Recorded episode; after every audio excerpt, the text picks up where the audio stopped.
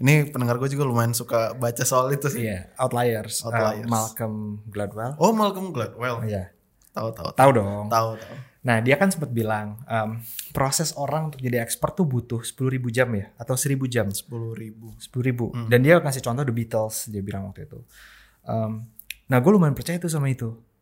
Itu. Gua setelah gue sadar-sadar kok alhamdulillah sekarang gue bisa eh, bener ya ngitung ini. Mungkin karena gue dulu SMP gagal. Oh. Bener nggak? Lo udah ngabisin jatah gagalnya iya, waktu itu. gagal ya? gue udah di sana. SMP gue dua kali gagal. Reunion Podcast.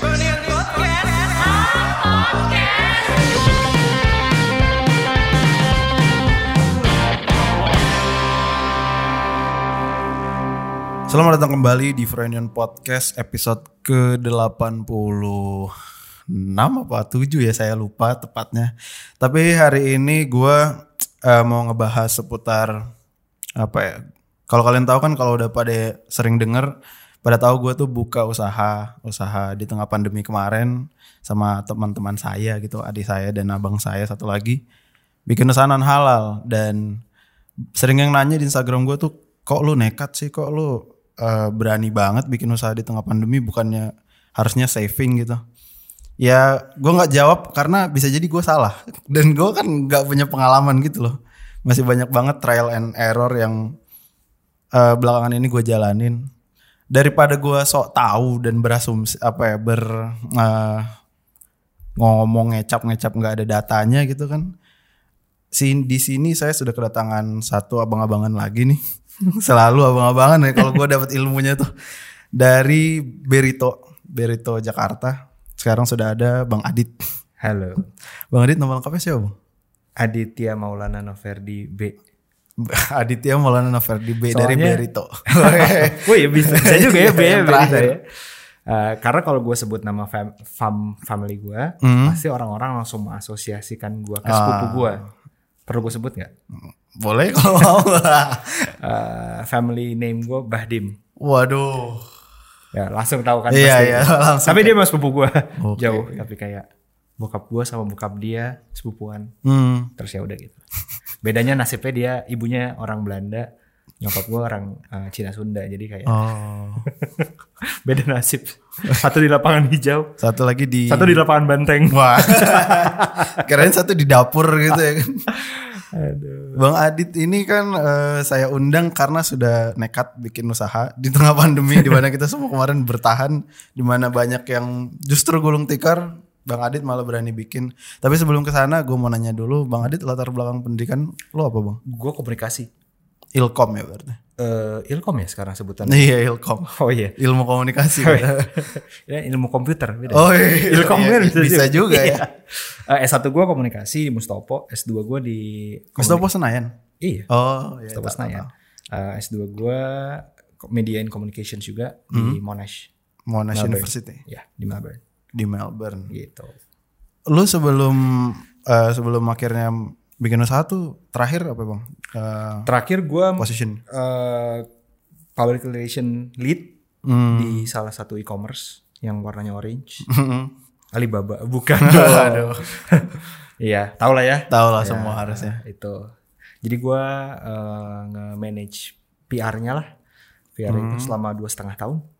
Ya tapi background gue emang agak loncat-loncat sih. Sebelumnya gue pernah kerja di eh, PSSI juga. PSSI? bulan. Pernah gue tiga bulan. Sebagai PR juga. eh social media bu- sebutannya apa ya waktu? Oh digital manager. Digital manager. Karena eh, PSSI itu waktu gue masuk eh, sekjennya yang perempuan Iya. ya yang putri kebanggaan Banten Eh, kayak dia pengen bikin satu revolusi lah di di di federasi jadi dia hire banyak anak muda yang backgroundnya eh, suka bola Hmm. eh, terus backgroundnya yang profesional kayak gitu-gitu jadi dia hire nggak tahan gue tiga bulan doang.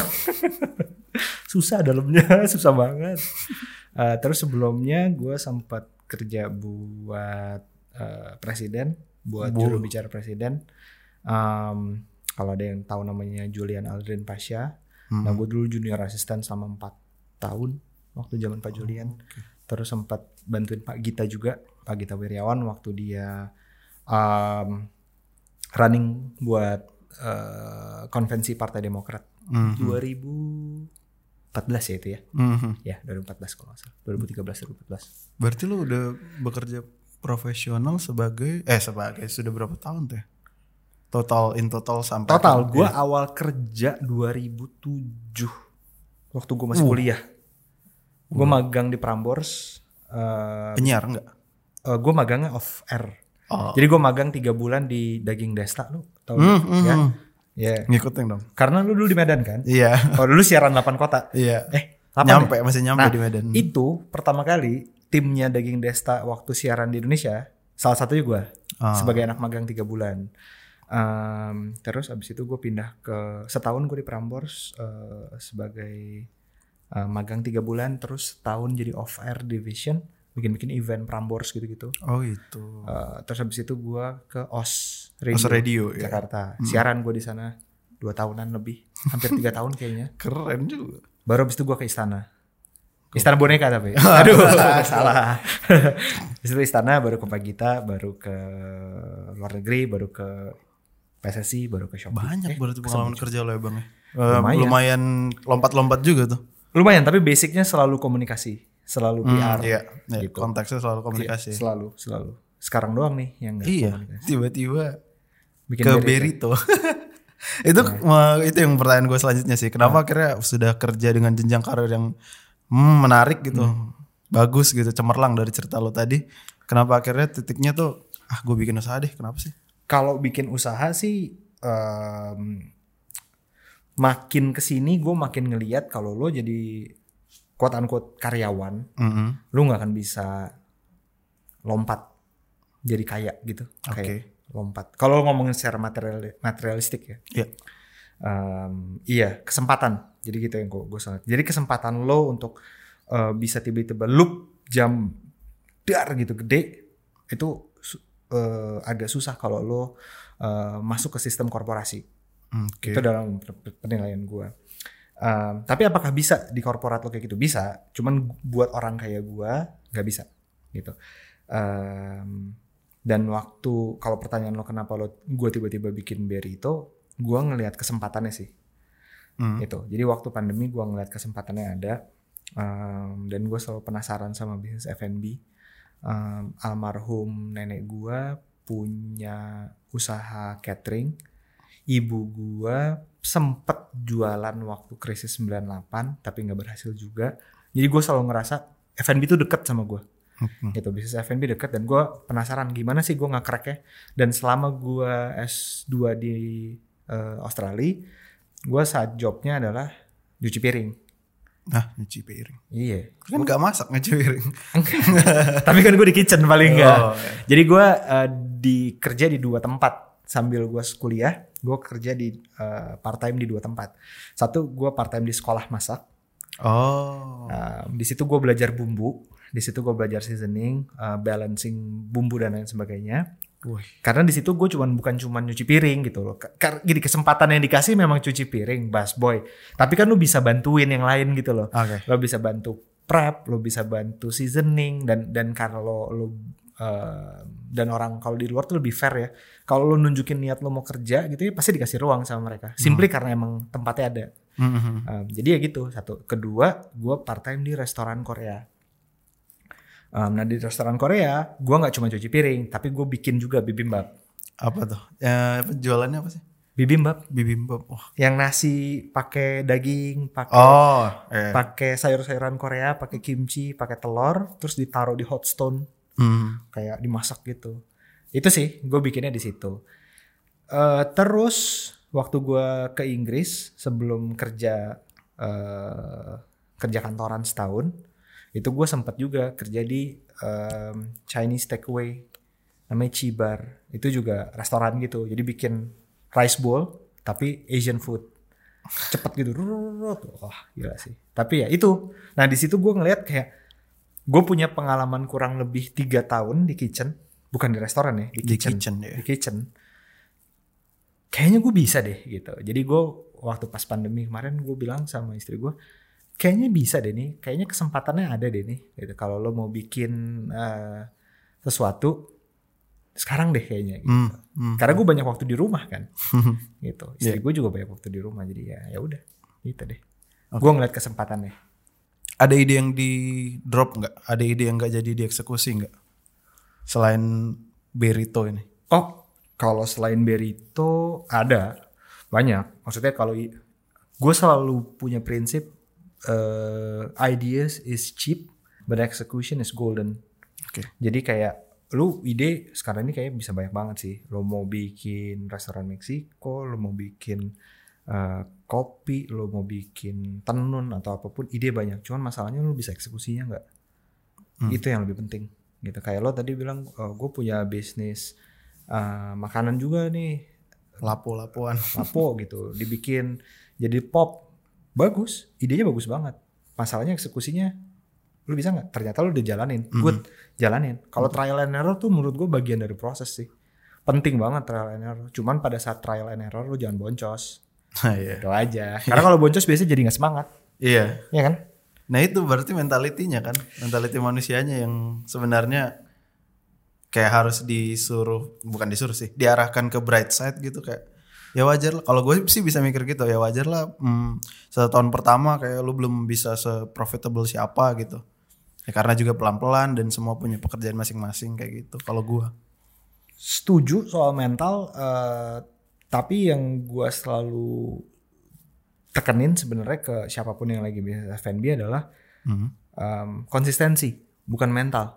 oke, konsistensi lo. Jadi kalau misalnya konsistensi lo, lu lagi pada kerja semua, misalnya lu tadi bilang bertiga kan, iya, sama kakak lo sama ade lo, Iya. eh gitu ya, Mhm. lu bertiga, terus yang kerja misalnya tiga tiganya, iya, lo cuman bisa provide itu di weekend, iya paling, hajar boleh di weekend, ya udah Eh, konsisten aja. Tiap eh, minggu lo targetin, misalnya mau kejual berapa, 100, 200, tapi itu di weekend, Mhm. tok, Mhm. tapi konsisten ya gitu.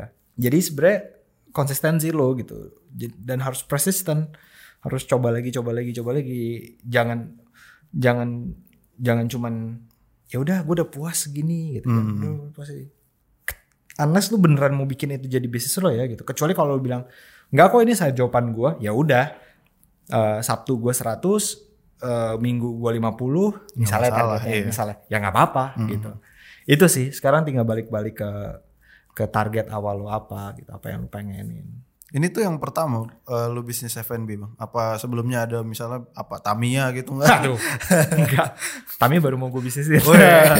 Eh, ya F&B pertama kayaknya ya. Oh, oke. F&B pertama. Kalau ngomongin soal bisnis, gue boncos mulu waktu bisnis. Karena hobi enggak? Enggak. Laki kan biasanya gitu ya. Enggak, enggak. Gue SMP tuh ngejalanin kaos kelas. Lo tau kan? Kalau lo di sekolah dulu suka bikin kaos kelas gitu. Hmm. Nah, SMP tuh gue bikin kaos kelas eh, angkatan eh kelas gue waktu kelas 1. Hmm. Jelek. Kualitasnya jelek. Sampai teman-teman gue marah lah intinya. Gambarnya bagus, desainnya bagus, kualitasnya jelek. Udah. Kelas 2 gue bikin jaket angkatan. Oke. Jaket lu tahu kan dong jaket angkatan ya. Jaket angkatan itu gue dibilang tilep duit sampai gue dipanggil sama guru. Padahal tuh duit nggak gue tilep Hmm. karena memang produksinya nggak dibikin aja. Hmm. Dan waktu zaman gue SMP tuh lagi gembar-gembornya bikin jaket di Bandung. Oke, ya. Tuh, ya gue nggak zaman zaman dulu kan nggak ada eh, WhatsApp ya, Hmm. nggak bisa nih foto produksi lagi dibikin enggak. Jadi gue harus ke Bandung sama kakak gue ditemenin anak SMP lo bayangin. Iya. Duit udah boncos. Iya, tekor lah. SMP lo bayangin tuh kelas 2 terus SMA gue bisnis kayak oh SMA gue cuan lumayan bisnisnya gue bikin IO IO gede ya. itu SMA jadi gue gini karena gue nggak punya duit waktu SMA jadi gue sama teman-teman gue bikinin Sweet Seventeen buat teman-teman gue Hmm. dan kebetulan SMA gue kan SMA gaul Jadi, banyak tuh ya Sweet Seventeen di kafe-kafe di Kemang di mana itu gue yang bikinin sama teman-teman gue lumayan tuh dapat duitnya sampai masuk majalah gadis waktu itu kita keren. tadi tuh kita sempet eh, agak gue pengen nyambungin soal partner tadi sih. Hmm. Kalau gue kan partner sama adik gue sama abang gue satu lagi lah temenan gitu. Hmm. Eh, kalau lu kan bisa dibilang bini lu partner lu ya. Mm-mm. Untuk Berito. Iya untuk Iya. Berito. Untuk Berito ya. Itu apa enggak bentrok apa misalnya nih ya, kalau gue misalnya eh, obrolan brainstorm nih. Ada momen di mana jadi personal tuh idenya siapa yang dieksekusi kok jadi personal sih habis ini gitu jadi kayak ada effort buat uh, open up gitu kayak udahlah tadi tuh kan cuman urusan kerjaan kenapa sih dibawa-bawa gitu ada momen-momen gitu gak sih Ada, pasti. Em, nggak harus sama kakak atau adik lo, nggak harus sama istri lo, sama partner kerja lo pun Hmm. itu lo pasti ada friksi kayak gitu sih. Pasti nggak mungkin nggak ada. Kalau nggak ada perusahaan lo nggak dinamis, bisnis lo nggak dinamis, bisnisnya nggak jalan biasanya. Hmm. Eh, mendingan tuh dinamisasinya tuh eh, kejaga gitu dibandingin lu ya udah gini-gini aja ya kalau biasa yang gini-gini aja bisnisnya gini-gini aja sama kayak saham lah Iya. high risk high return Iya iya low risk ya low return gitu setuju susahnya kalau lo punya partner atau gua nggak bilang susahnya kali ya tantangannya Mhm. tantangannya lebih kalau lo punya partner yang satu atap sama lo, baik itu kakak lo, adik lo, orang tua lo, istri lo, suami lo atau siapa pun itu, anak lo nanti ya. Intensitasnya tuh lebih sering. Lo ketemu hampir tiap hari, tiap menit, tiap jam, apalagi waktu pandemi. iya Gitu. Brainstormnya tuh jadi lebih cepet buat Iya. gua. Lo bisa jam 11 malam lagi di tempat tidur tiba-tiba kepikiran ini terus lo ngomongin. Tapi kalau lo di kantor, Mhm. lo kan bisa tunggu besok kan dan Iya, lo iya. bisa nunggu pikiran lo kayak eh besok paginya eh enggak deh kayaknya ide gue yang kemarin salah nggak bisa diomongin deh gitu Iya. kalau lo satu atap sama partner lo tantangan itu di situ Nah kalau lu bang kan di rumah misalnya kepikiran kayak bagus kita bikin PO campaign gini gini gini Hmm. kan intens hampir setiap waktu tuh pasti ada kepikiran langsung di- diomongin kan gitu ya. Eh, gue sama Alanda lumayan punya ritme yang bagus untuk itu Oh. karena dari awal kita ngebagi gue operation Hmm. Alanda Oh. ini marketing jadi kalau ngomongin soal resep ngomongin soal alat ngomongin soal eh, apa lagi menu Hmm, hmm. terus eh, orang gitu ya sekarang kita udah punya alhamdulillah udah punya 10 karyawan itu urusan gue gedung gitu ya itu urusan gue tapi kalau soal sales soal marketing itu alhamdulillah Hmm. oke paling gue cuma bisa bilang ngasih saran eh ini minggu ini eh, penjualan biasanya tapi eh, call CEO-nya tetap ada di gue sih gitu nah biasa gue suka ngelihat tren sales eh, tanggal tua Tahu kan? Iya dong. Oh ini tanggal tua nih, belum pada gajian. Iya. Eh, jangan lupa ya, AdSense justru kita tambah. Oke. Misalnya kayak gitu. Eh, pun Alanda juga banyak ide-ide soal menu, ide apa. Tapi biasanya eh, kita tahu ranahnya masing-masing lah. Gitu. Bisa dipisah tuh ya urusan rumah sama kerjaan ya. Eh baru berasa belakangan ini. Oh, udah jalan? Setahun. Oke. Baru setahun baru berasa kayak oke kita bisa pisahin. Hmm. Jadi sekarang udah di titik menurut gue ini udah lumayan mendingan. Ada di titik di mana sekarang gue bisa ngedelegasiin kerjaan gue ke tim anak kitchen yang yang udah setahun ikut Berito gitu ya, udah bisa kayak oke, ini gue percayain ya. Ada dua hari di mana gue nggak ngurusin Berito sama sekali. Eh, paling kita cuma mantau aja. Ya udah dari situ gue bisa nikmatin waktu keluarga, keluarga quote unquote ya sama Alanda yang kayak ya udah gitu. Lo sarankan gak sih bang misalnya baru pacaran tuh bikin usaha bareng? nggak ada masalah sih. Gak ada masalah. ya? gua nggak bisa bilang ya silahkan atau enggak. Hmm. gua nggak bisa bilang gitu. Hmm. Em, karena dinamika pacaran di angkatan lo sama angkatan gue mungkin beda. Oke. kayak gitu. Eh, kalau kalaupun mau bisnis bareng nggak ada masalah juga. Em, selama emang beneran bisa ngejalaninnya ya gitu. Lo ngelihat bisnis itu sebagai apa? Gitu. Lo ngelihat bisnis lo itu sebagai bentuk cinta kalian berdua kan? Hmm, iya Antara- bisa. ya kan? Bisa kan? Kayak Latihan buat komitmen ya. bisa lo kalau mau bilang gitu yang gue mau bilang tadi sebenarnya tuh lebih ke make your business uh, to become your baby gitu loh Iya, iya, iya. misalnya Hmm. misalnya kan dari situ bisa kelihatan responsibility-nya dari situ bisa ngelihat ini kalau kita tarik ke cinta ya dari situ bisa ngelihat komitmennya Hmm. tadi lo bilang dari situ lo bisa ngelihat um, progresnya oh ini bisnis progres nih kalau kita jalan berdua kayak gitu Hmm.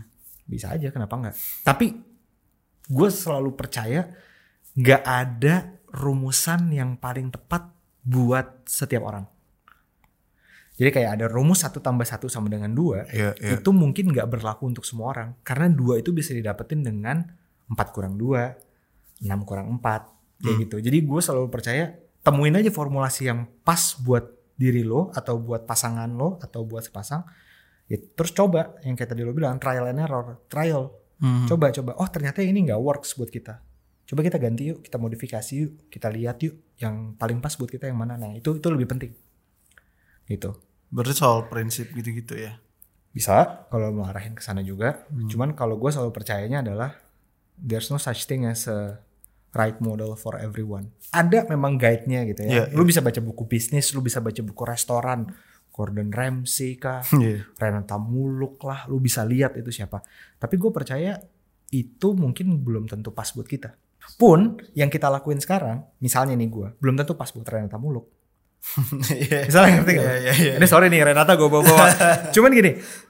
Tuh kan lagi ah padahal udah gue silent loh. Kenapa ya? Biar orderannya banyak gitu kedengeran. Tapi emang banyak. Oh, iya. Valid berarti. Aduh. Iya misalnya gini. Gue punya konsep kayak gini sekarang dengan dengan penjualan segini banyak. Mhm. Kalaupun Renata Muluk masuk ke dalam situ, belum tentu dia bisa achieve penjualan segua. Iya. Tapi bisa jadi lebih besar, Bisa bisa, jadi. jadi lebih Bisa kecil. jadi. Poin gue di situ sebenarnya, gitu. Eh, tanpa mengecilkan siapa pun gitu ya. Misalnya yang tadi gue sebut, em, poin gue adalah sebenarnya ya itu sih. Lo harus temuin formula lo sendiri, gitu. Dan pada saat lo temukan formula lo, lo keluar dengan rencana lo sehabis itu. Lo baca buku Outliers nggak? Waduh enggak. Lo baca ya abis ini. ya? Buku soal apa sih? Marketing, Enggak, self development. self development. Ini pendengar gue juga lumayan suka baca soal itu sih. Iya, Outliers. Uh, Outliers. Malcolm Gladwell. Oh, Malcolm Gladwell. Iya. Tahu tahu. Tahu dong. Tahu tahu. Nah, dia kan sempat bilang em, proses orang untuk jadi expert tuh butuh 10.000 jam ya atau 1.000 jam. Sepuluh ribu. 10.000. Dan dia kasih contoh The Beatles dia bilang waktu itu. Em, nah, gue lumayan percaya itu sama itu.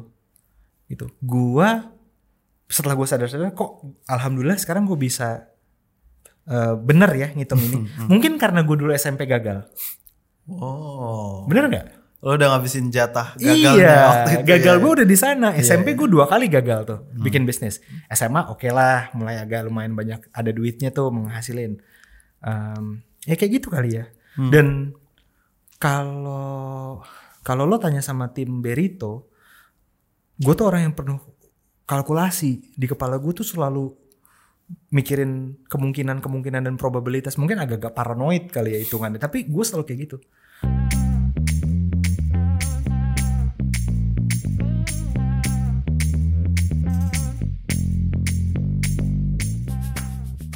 Tapi lu pertama kali bikin Berry itu di Cipete bukan di Bintaro. Ah, kok di Cipete? Di Eh Bintaro? di pertama di Bintaro baru ke Cipete. Enggak, enggak jadi ke Cipete. Oh nggak jadi ya? Enggak. Yang di Bintaro sektor Tiga depan rumah tiga gua. itu ya? Iya, Cipete nggak jadi. Tadinya gue mau ke Cipete. Iya soalnya gue eh, Nonton video YouTube. Iya yang itu poinnya bagus banget yang lu apa riset soal Oh, apa smart city kayak gitu itu. Wow, gue langsung mes gitu. oh kalau itu dulu gue bikinnya gara-gara. Boleh ceritain dikit gak bang yang itu? Oh ya itu, agak lebar nih. Ya nggak apa-apa. Keren tau itu keren Eh, banget. Enggak, pada dasarnya gue dulu waktu S2 itu ngambil salah satu mata kuliah namanya Creative City. Hmm. Jadi Creative City itu adalah em, mungkin buat orang-orang culture di luar sana yang ngedenger ini agak lumayan melek dan senang kali ya. Hmm. Creative City itu model ekonomi Mhm. yang disinggungin dengan komunikasi, dengan mediumnya art. Nah risetnya kota-kota yang punya eh, art space Oke. yang benar lebih sustainable secara ekonomi. Nah yang gue tulis waktu itu, eh gue ngelihat trennya Creative City di Jakarta itu geser ke selatan Hmm. gitu ya. Kalau kalau dulu gue belajarin, oh dulu waktu Indonesia merdeka pertama kali di mana sih tempat keseniannya di mana? Buset. Sampai ke situ. Eh itu kan harus dari lihat dari fakta sejarahnya. Gila keren. Gua Coba di mana? Gue gak tahu. Gedung kesenian dong. Oh ya. Orang-orang Belanda nonton teater di gedung kesenian, kan? Mhm. Merdeka. Terus habis itu digeser dikit ke IKJ. Mhm, Ya. Cikini. Cikini, wajar. Iya. Tahun 7 ibu gua tuh eranya tuh. Di zaman itu eh, menteng sekitarnya Creative City-nya maju banget. Iya. Karena apa? Karena ada IKJ. Oh. Karena itu santernya, itu pusat pusat keseniannya. Mhm. Tahu nggak di sekitar situ ada apa? Aduh, apa yang depan IKJ itu? Megaria. Wah, yang gedung kesenian itu gue lupa.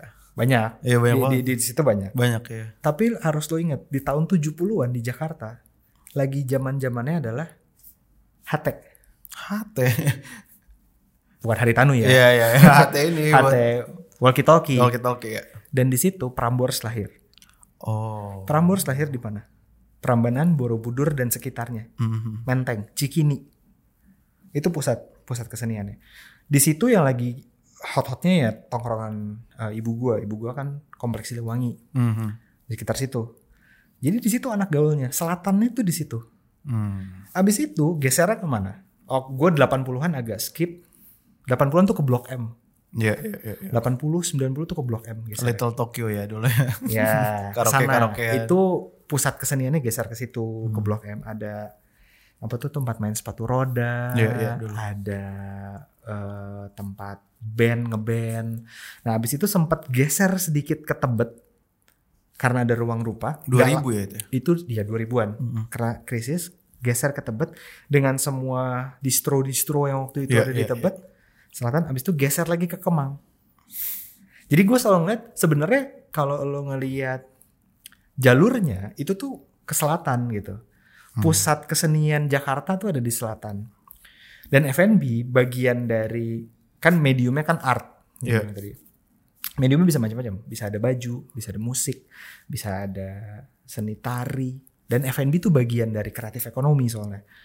Nah F&B gue lihat dari Kemang itu gesernya kok banyak ke Cipete. Gue cuman ngelihat tren F&B di Cipete ini bagus buat sekarang, tapi gue nggak tahu apakah itu sustain apa enggak. Eh gue ngelihatnya kok agak segmented ya. Oh, Orangnya kok agak itu itu aja. eksklusif Iya, ya. iya. Itu. Iya, betul. Karena eksklusivitas juga bisa bahaya. Kalau di Bintaro kenapa seksi menurut lo? Bintaro. Iya, kenapa Nah. lo akhirnya bikinnya di sini? Oh, kalau Bintaro deket rumah. Nah, Iya, itu satu paling penting itu ya. yang paling gampang. Nah, Bintaro itu kalau untuk F&B, Bintaro itu sebenarnya nggak sejauh itu dari pusat kota. Dari Jakarta tuh sebenarnya nggak sejauh itu. Mm-mm. Tapi entah kenapa, apa pun orang orang biasanya punya kebiasaan begitu gue dari Bintaro, gue nggak usah ke mana-mana lagi deh, Hmm, gitu. satu outlet aja gitu misalnya. Di situ aja. Mhm. Bintaro menurut gua eh, bagusnya adalah sekarang jadi tempat orang buat aktivitas outdoor. Ah. Iya. Kayak iya, Bintaro Loop tadi lu sempat Iya, iya, mention. iya. Iya benar, benar, benar. Entah kenapa persepedaan ini kan mengubah banget nih, Iya, iya. mengubah em, cara orang nongkrong. Mhm. Tadinya nongkrongnya malam jadi pagi kayak gitu-gitu. Mhm. Ini nih bisa dimanfaatin gitu. Eh, gue tadi mau nanya ini sih. Eh, memulai bisnis tuh harus berapa lama sih harus profitable? Gue gue harus harus ingetin sekali lagi, nggak ada formulanya ya. Setuju Gitu. ya. Nggak ada nggak ada formula yang pas ya. Tapi tips ada. ada tips ada.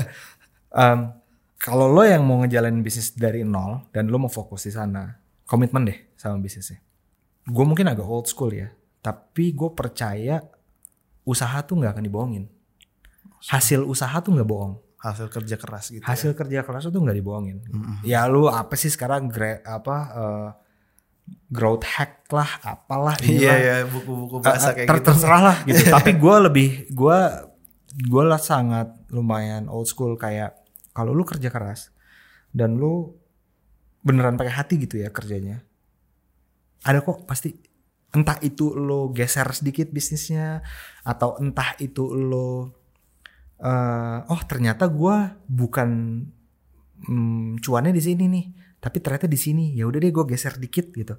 Itu entah ada aja pasti gitu. Hmm. karena karena lu ber, lu komit gitu di sana lu pakai komitmen dan lu pakai hati di sana ngerjainnya jadi em, dan terutama buat mungkin di di generasi yang 10 tahun di bawah gua yang yang lebih beruntung gitu ya dari generasi gua men lu udah punya semuanya Iya. lu tinggal kuatin hati lu lu mau ngerjain yang mana sih lu mau bikin baju lu mau jadi fashion designer atau lu mau jadi F&B atau lo mau jadi bisnis sepatu coba sekarang seberapa banyak bisnis sepatu buatan lokal Oh iya. banyak banget Banyak banget ya. Zaman gua mau pakai sepatu buatan lokal kok kayaknya mikir ya kayak aduh kayak Kurang. kalau- iya kurang kalau sekarang gua pakai kompas aja bangga banget setengah Iya. mati Kayak gitu sih. Jadi generasi yang 10 tahun di bawah gue menurut gue ya generasi yang beruntung. Nah, balik lagi ke pertanyaan lo tadi. Hmm. Hmm, once lo udah nggak enjoy, gitu ya. Hmm. Once lo udah nggak enjoy, coba tanya ulang ke diri lo deh. Itu beneran yang lo mau lakuin nggak? Karena kalau misalnya itu yang mau lo lakuin, lo akan jalan terus. Tapi kalau lo ngerasa udah capek, jadi setelah setelah komitmen, setelah komitmen, lo ukur diri lo dengan seberapa sampai capeknya lo. Once lo capek, apakah lo mau stop dan ganti, atau lo cuman butuh break? Ah, oke. Karena break tuh juga penting. Hmm. Break tuh penting banget. Ya lo di mobil kalau nggak ada rem gimana? Nabrak kan? Hmm. Yang paling penting komponen dalam mobil tuh brake, yaitu rem. Hmm. Jadi nggak apa-apa buat ngerem dikit. Pun gue ngelakuin itu kok sekarang. Kalau lo tanya, Berito sekarang setahun. Eh Beri, gini, Berito udah lebih dari setahun karena awalnya kita PO dari bulan Juni. Tapi eh, fully commercial di di semua platform delivery ada tuh baru ada Oktober. Jadi bahkan belum setahun ya Wow. dari tag ini. Iya, belum tahu. Uh, tapi gue breaknya dua kali. Dalam kurang dari setahun tuh gue break dua kali. Sebelumnya gue break kayak dalam waktu seminggu gue nggak ngurusin berito berito amat. Gue nulis esai karena gue kangen sama dunia akademis akademik gue. Jadi gue nulis esai buat anak S1. Keren. Gue bantuin. Iya, kayak, iya. "Eh, gue sini sini gue tugas tuh sini gue kerjain. Itu break gue satu. Hmm. Break dua gue sekarang gue main Tamiya. Gara-gara Bobby nih semuanya. Ya gue main Tamiya. Lu bilang lu gila ya, lu udah umur segitu main Tamiya kata nyokap gue. Tapi gue mau ikut kejuaraan, jadi gue Oh, kayak baliknya balik balik modal lah mudah-mudahan. Iya, iya. Cuman lu butuh break, lu butuh lu butuh ngingetin diri lu sendiri, lu kangen gak ya sama ini? Ah. Gitu. Ya mungkin buat yang ngedengerin sekarang kayak "Eh, lu enak sekarang Udah beritonya iya udah jalan. Kalau Iya. gue belum settle gimana? Nah itu dia. Gue dulu waktu mau mulai Berito untuk jadi serius, gue resign dari kantor gue. Karena gue nggak mau ngebohongin Berito, gue nggak mau ngebohongin e-commerce tempat gue kerja. Gitu. Karena buat gue, kasihan gak sih e-commerce yang gaji gue? Bayar full ya. Wah, Kitanya setengah. gila. Jabatan udah lead, udah Iya. manajer, Hmm. udah punya tim 10 orang, digaji udah wah, Double. mau di offer sama karya kantor lain udah nggak ada yang bisa sanggup gitu kayak ketinggian gajinya. Akhirnya ya pasti gue mau setengah hati ngejalanin itu kan kasihan kantor gue gitu. Di sisi lain Berito juga gue kasihan. Walaupun Berito sekarang jauh banget untuk ngomongin di compare sama gaji ya. Tapi kan duit hidup tuh bukan soal duit gitu kalau gue ya. I- hidup gue ya nggak gue nggak mau di trade off seberapa duit yang gue dapet eh, seberapa banyak duit yang gue dapet. Ya itu sih jadinya gue ngerasa ya udah deh gue resign aja. Ya gue full commit. Dan sekarang kalau lo hitungin grossnya ya biar itu udah jauh lebih gede dibanding gaji gue dulu. Tapi kan sekarang gue punya orang yang bisa ada yang kebantu gitu loh. Dari di- dengan gue bikin Berito ada 10 orang yang tadinya ah, nggak nyampe 10 sorry. Ada 4 6 orang 4 sampai 6 orang gue lupa yang ke layoff gara-gara pandemi terus gue bisa hire gitu loh. Ah. itunya yang gue nggak dapet waktu di kantor dulu. Jadi Hmm. kalau lo ngomongin bisnis balik deh ke tujuan awal lo mau berbisnis tuh apa? Mau cari cuan? Hmm. apa sih sekarang? Cuan cuan cuan cuan gitu. Iya. Nah, udahlah. Ya tapi gue punya keluarga sih jadi gue tetap butuh duit pada dasarnya. Ya kan buat ngidupin anak istri gue Em, lo mau cari apa dulu gitu? Lo mau cari fulfillmentnya? Apa kalau mau cari profit dan keuntungan dan cuan tadi? Hmm. sesimpel lo pengen kayak kayak almarhum Bob Sadino misalnya atau Sandiaga Uno atau lo pengen berguna. Hmm. bisnis lo pengen berguna. Entah itu berguna kayak gue pengen orang nikmatin makanan gue yang enak banget ini. Itu kan berguna? Iya. Gitu ya. Atau lo pengen berguna juga kayak duh kasihan nih banyak yang ke layoff dari bisnis F&B gue bikin biar bisa nge-hire mereka. Once lo meng-hire mereka lo juga gak boleh boncos dong. Iya, iya. gitu. Yang sering banget orang lupa waktu pada saat berkomitmen bisnis yang berkomitmen itu bukan cuma lo tapi tim lo atau orang-orang yang lo hire itu juga berkomitmen sama company atau F&B lo. Hmm. jadi pesan gue nih kalau gue gua kali ini gue harus bilang ini pesan gue nitip pesan sama siapa pun yang mau berusaha tolong pikirin orang lain yang kerja sama lo jangan sampai bisnis lo gagal terus lo dengan bisa bilang ya udah gue tutup aja itu jangan-jangan yang ngebantuin lo baru nyicil motor Aduh, iya lagi. ngerti ya maksud gue Iya, iya, iya. ada ya ada yang kayak gitu ya ya gue bikin aja sekarang kalau nanti nggak nggak profit ya tinggal gue tutup Hmm. Iya, bener. Tapi kan ada orang yang kerja sama lo. Iya. Dia baru nyicil motor nih, baru nih kan gampang nyicil motor. Iya, iya. Ini tinggal nunjukin fotokopi KTP 500 ribu ya. Eh, berapa sih sekarang? 300. Ya segitulah. Iya kan? Mm, Wah, di bawah sejuta. bulan gajian bulan ini gue dapat let's say 3 juta misalnya. Oh 10% bisa nih gue nyicil motor. Gue cicil motor 5 tahun nih. Udah deh. Baru nyicil sebulan. Das 2 bulan. Oh bisnisnya nggak profit. Udah deh. Pecat aja. Uh. Itu loh. Iya, iya. Gue sampai sekarang alhamdulillah sih. Alhamdulillah banget. Gue sampai sekarang setahun ini. Kita belum pernah layoff orang. Ada yang resign. Mhm. Ada. Tapi itu pilihan dia. Setuju. Tapi kalau mencat jangan deh. Gitu. Gue mikirnya gitu sih. Itu sih paling. Kalau dari- Tanggung jawab kan berarti itu lebih Iya. berat kan itu. Maksudnya Iya. kalau lu kan tadi bilang di perusahaan yang satu lagi tuh ngelit beberapa orang juga. Iya. Sama-sama ngelit kan sebenarnya. Sama, Tapi sama kalau jumlahnya usaha- sama lagi 10. Iya.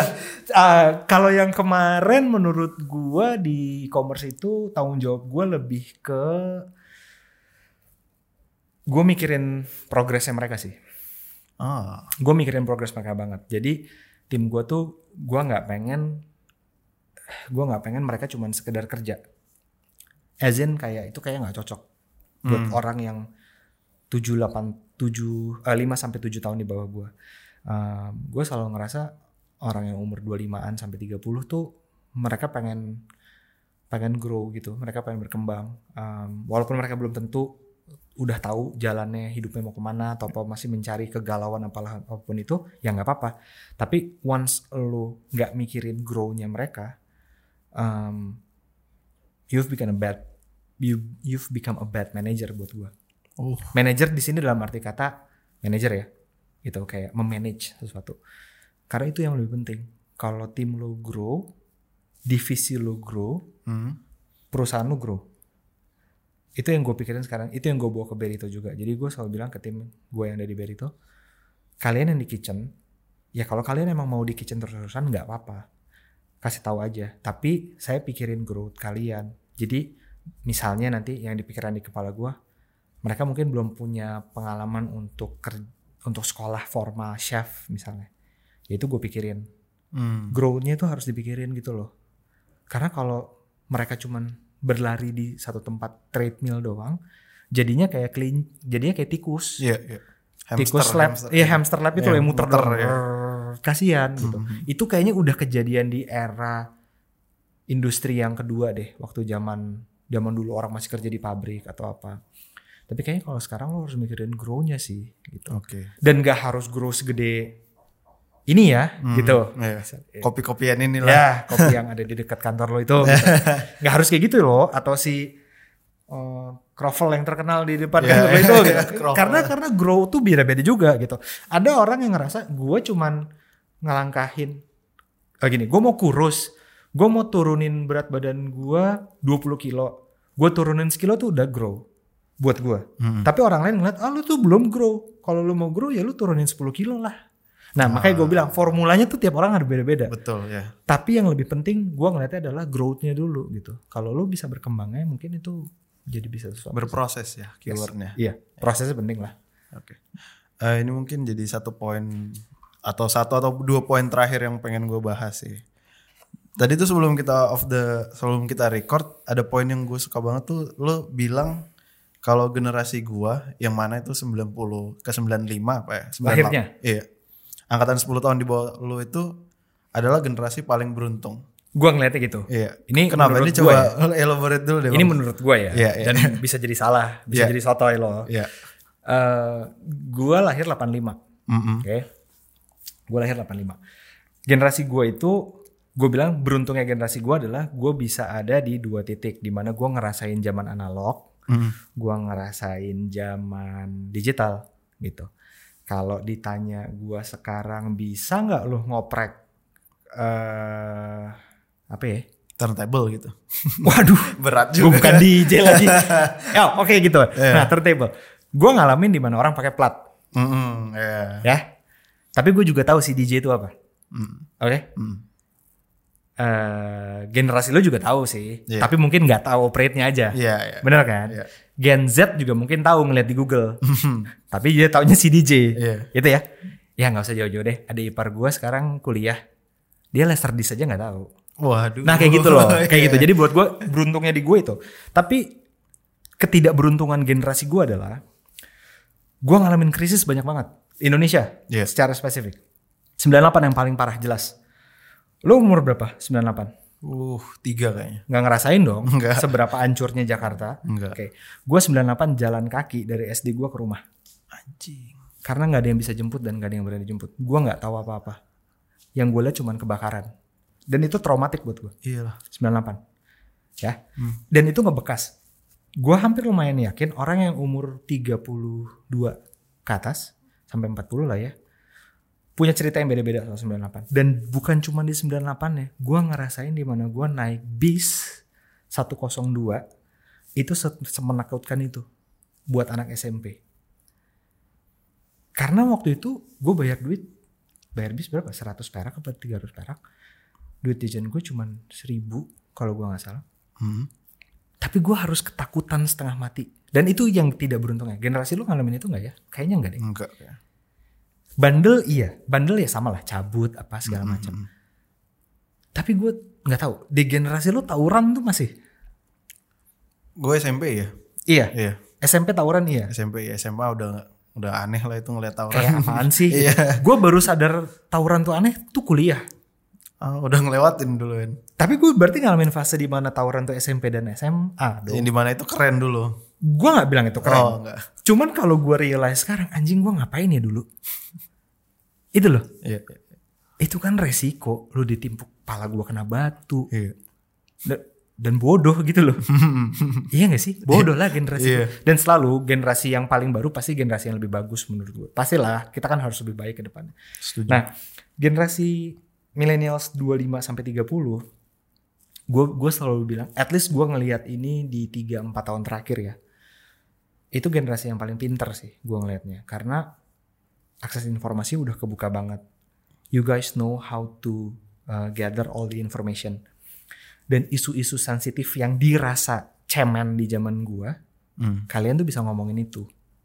Gitu. Kalian tuh aware sama isu itu. Segala macam aspek sosial menurut gua kalian juga lebih hebat. Um, financially kalian juga udah lebih siap. Lu main saham nggak? Atau lu nabung nggak dulu? Kripto. Waduh Gawat gue nyangkut. sekarang kaya besok miskin dong aduh Aduh, Bang. aduh oke at least tapi lu tahu Tahu tahu. Oke, umur gue 25 26. Gue punya duit. Gue udah punya kerjaan. Hmm. Tapi itu nggak nggak berimbas ke umur 30-an gue. Karena duit itu gue pakai. Karena gue males buat nabung. Mungkin mungkin di luar sana enggak ah dit itu lo doang kali. Ah, gue iya. nabung kok. Iya. Tapi coba hitung yuk proporsinya. Yuk. Ayo deh. gue berani taruhan sih. Iya, iya. Dari 10 seberapa yang nabung Hmm. di umur 25 di zaman gue. Hmm. Nabungnya bukan cuma nabung di bank ya, reksadana. Jangka panjang lah intinya. Iya. Hmm. Coba berapa? Coba di generasi lo berapa? Dari 10 orang kira-kira berapa? Hmm, teman gue di atas banyak nih yang mau main reksadana. Iya, berapa? Hitung deh 10 temen lo. Ada nggak yang nggak punya reksadana? Kayaknya enggak deh. Punya semua kan? Semuanya punya di atas nih. Semuanya punya. Iya. Generasi gua nggak ada sama sekali. Ya itu poin gua. Jadi generasi yang 25 30 jelas lebih pintar dibandingin generasi gua dan beruntung karena semuanya udah ada. Buat lo yang di umur 25 30 tidak memanfaatkan generasi ini, tidak memanfaatkan momentum ini, you lost man. Aduh, keren banget. Thank you banget gue. Gue lagi butuh banget ngedengerin yang lu sampein terakhir tadi. Oh iya saya santai-santai. Thank you bang. Em, ini gue akan membacakan satu pertanyaan terakhir sebelum menutup podcast ini dari Instagram, yaitu dari Bang Oka nih yang kebetulan natoin saya, dia dosen juga. dia nanya ini, kalau pakai investor, gimana caranya yakinin investor nyuntik ke usaha kita? Ada banyak caranya. Hmm. Gitu ya. Ada Dan banyak. kebetulan lu ada investor ya? Gue ada investor tapi bukan yang venture capital ya. Hmm. Eh, investor gue itu bener-bener cuman kayak temen. Mm-mm. Em, temennya gue satu, temennya bini gue dua. Eh, dan itu jumlahnya juga kecil, nggak besar. Mm-mm. Hmm, kalau lo ngomongin soal invest, investasi atau in- eh, funding gitu ya, yang buat dapat usaha lo, em, caranya ada macam-macam sih. Ada caranya ada macam-macam. Cuman gue mungkin don't make it too complicated. Prove your number. Gue selalu bilang gitu. Ah. Prove your number. Um, gua udah ngeliat tiga model bisnis F&B yang pakai franchise Hmm. eh, dan ngeliat angkanya projection projection number dia. Projection tuh kayak prediksi ke depan. Iya. Ya. Prediksi penjualan lo harian lo, prediksi penjualan bulanan lo gitu ya. Eh, da- dana eh, dana franchise berapa, beli brand franchise kayak gitu-gitu. Dan gua ngejalanin Berito juga sambil gue liat itu. Tiga-tiganya gue selalu ngerasa tuh flop. Tuh flop. Flop. Kenapa? Karena gue lumayan gue ngerasanya kok ini tiga perusahaan ini cuman cari duit, cuman pengen dapet duit doang ya, Hmm. gitu. Soalnya kok kayak hilang ya. Oke, itu kalau yang untuk eh, tiga franchise yang gue lihat kayaknya kok gini banget. Hmm, hmm, hmm. Nah kalau misalnya lo mau yakinin investor, ya kayak tadi gue bilang, prove your number. Angkanya nggak harus fantastis, bombastis. Penjualan gue 100 juta, omset gue prediksinya 200 juta sebulan. Jangan sih, investor juga kan manusia ya. Iya. Mereka juga ngeliat gitu. Kalau angka yang lo tulis itu segitu, buktiin dulu. Jangan terlalu ngeliat sesuatu yang gede banget di luar sana. Cuman poin gue adalah, lo ngeliat model bisnis ada banyak. Kopi kenangan sama tuku. Hmm. Siapa yang lebih cuan? Siapa yang making money? Menurut gue kenangan sih. Hmm. Lo tau kopi kenangan roastingnya di mana? Enggak. Di tuku. wow. Baru tahu gue. Oke. Jadi lo lihat eh, kalau lo mau bisnis dan lo mau cari investor, lo lihat angka lo. Angka dalam hal ini modal, hitungan lo ya, hitungan semuanya, hitungan eh, HPP, operation lo berapa, apa segala macam. Projection lo jelas Mm-mm. dan benar nggak hitungan lo segitu? Lo proof nggak itu? Gue bisa bilang Berito sekarang berani banget dan kita mau buka investor yang lebih gede sekarang, simply karena kita bisa proof the concept dalam waktu kurang dari setahun. Iya. Gue tadi sempat mention Berito udah making money sekarang, Mhm. gitu. Simply karena hitungan kita alhamdulillah bener. Jadi semuanya kayak oh ini pas nih, oh ada sih, ada turunnya pasti, nggak mungkin nggak ada. Eh, lu dan lo harus prediksi itu juga. Hmm. Lo harus ngitung juga. Oh ini pasti di bulan segini akan sedikit jatuh ya. Oh ya soalnya kan kita eh, lagi renov ini lagi wajar gitu. Tapi at least angka lo masuk akal dan lo buktiin kalau angka lo tuh bener. Hmm, hmm. Nggak harus angka yang gede banget. Karena kalau angkanya gede banget itu lu cuman jualan mimpi. Sekali lagi gue bilang, ide tuh ide tuh murah. Murah banget ide zaman sekarang. Gue mau ide bikin jualan bulu domba buat headphone misal. Iya ide, tapi eksekusinya apakah bulu domba tuh enak dipakai? Ya, ya. Itu. Jadi eksekusi harus lebih penting. Idenya nggak apa-apa, ada terusin aja. Nah itu juga reflect buat nyari investor ke bisnis. Lu angka lu bener nggak? Hmm, hmm. Angka yang lu minta tuh bener nggak? Ya lu bisa aja minta 2M, 3M, 4M, 40M. Projection lu bener nggak abis itu? Kan orang juga nggak mau dia naruh duit 20M terus abis itu returnnya baru balik Berapa tahun gitu ya. 200 tahun. Iya, iya. Kejauhan. Iya, tapi projection lu bilang 20 M balik satu tahun. Oke, coba buktiin. Hmm. Makanya mulai ya gue belajar dari banyak orang juga sih buat hal ini dan dan mereka selalu bilang baby step tuh penting. Karena dari baby step lu proof konsep kan. Konsep lu bener. Lu naikin lagi. Step 2, step 3-nya lu buktiin lagi. Sama sih kayak gue main Tamiya sekarang. Lu percaya nggak? Dan gue aplikasi ini tuh gue penasaran di tanggal 9 besok gue race gue menang nggak? Soalnya itu yang gue itu yang gue tes. Jadi dengan settingan ini, ini gue kasih analogi Tamiya ya. Keren. Dengan settingan ini, dengan dinamo ini, bannya ini, jatuh nggak nih dia? Lu proof aja konsep. Lempar nggak nih ya dari Iya, track dengan hitungan baterainya bener nggak nih? Iya, iya, iya. Oh salah. Oke, ubah lagi. Sampai udah bener, proof konsepnya. Berapa kali? Satu, dua, tiga, empat. Oke. Udah stick sama itu. Hmm. Coba di tas, di, di race. Sama, investor juga gitu menurut gua. Kalau lu mau berbisnis dan lu mau mau berin, eh, mau dapat investor buat buat bisnis lo, lu proof konsep bisnis lo dulu deh. Itu kan modal. Iya. Makanya gue tadi bilang jangan sampai boncos ya. Gue bilang sama lo, lu nggak apa-apa untuk pelan-pelan bisnis lo. Misalnya lo mau kayak ya gue kan ini side job gue nggak apa-apa. Itu itu pilihan masing-masing. Tapi jangan sampai boncos. Karena begitu lu nggak boncos, konsep lo terbukti, proven, lo semangat ngejalaninnya. Di sisi lain, pada saat lo mau gedein itu dan pada saat lo mau seriusin itu, lo bawa laporan keuangan lo ke investor. Bener nih hitungannya. Ut- hitungan modal kecil gede mah urusan belakangan. Oh. Kalau urusan mo- modal lo, misal lo butuh modal yang lebih gede, Mhm. ya lo tinggal cari orang yang lebih kaya aja gak sih? Iya sih. Lo butuh modalnya misalnya, ternyata gue butuh modalnya eh 500 misalnya. 500 juta. Mhm. Menurut lo 500 juta gede kecil? Gede kalau gue ya. Buat lo? Iya. Itu kecil banget. Gue belum tahu sih soalnya kayak terlalu enggak, banyak. enggak, gue enggak bilang. Berito juga enggak segitu. Hmm. Cuman waktu kita ny- begitu kita modal awal ini, Hmm. kita jauh lebih kecil lagi dan investor kita sampai nanya, lo seriusan cuman butuh segitu? Beuh, iya. keren amat. Kenapa? Karena buat gue, gue buktiin dulu deh konsep yang kecil ini. Kalau konsep kecil ini udah kebukti, udah jalan, toh investornya happy, gue juga happy. Entah itu gue mau naikin kelasnya, itu urusan belakangan. Oh. Lu proof the konsep dulu. Lu buktiin laporan keuangan lo hijau dulu. Apa nggak apa-apa laporan keuangan gue merah nih. Dit, nggak apa-apa, nggak apa-apa. Tapi kan projection lo ada. Kan bisa kelihatan. Tiga bulan pertama merah, merah, merah, merah. Tapi merahnya makin kecil nggak? Hmm. Ya, ya, ya. Kalau merah lo malah makin gede kan harus ditanyain lo Iya. kenapa nih merahnya. Pasti kan orang yang mau invest juga ngerasa, ah, kok gini amat. Iya, iya, iya. Gitu. Itu sih paling. Keren.